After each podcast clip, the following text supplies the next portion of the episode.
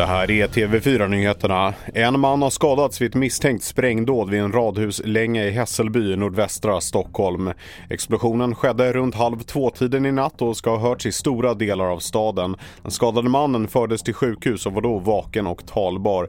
Vi hör Karina Skagelind, presstalesperson vid Stockholmspolisen. Vi har evakuerat hela radhuslängan så att de får komma till en annan plats medan nationella bombskyddet gör en undersökning.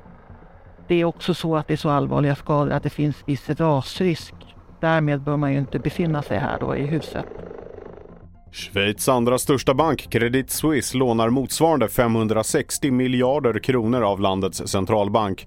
Detta efter att banken under gårdagen rasade på börsen. Händelsen ökar oron att kollapsen av och kring Silicon Valley Bank som gick under för en vecka sedan nu ska sprida sig till Europa. Allt fler regioner i Sverige rekommenderar nu vaccination mot det fästingburna viruset TBE.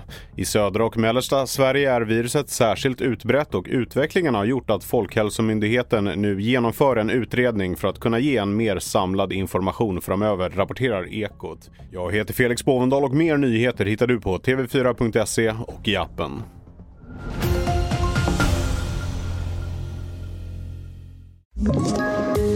Poddtips från Podplay. I fallen jag aldrig glömmer djupdyker Hasse Aro i arbetet bakom några av Sveriges mest uppseendeväckande brottsutredningar. Går vi in med hemlig telefonavlyssning och, och då upplever vi att vi får en total förändring av hans beteende. Vad är det som händer nu? Vem är det som läcker? Och så säger han att jag är kriminell, jag har varit kriminell i hela mitt liv men att mörda ett barn, där går min gräns. Nya säsongen av Fallen jag aldrig glömmer på Podplay.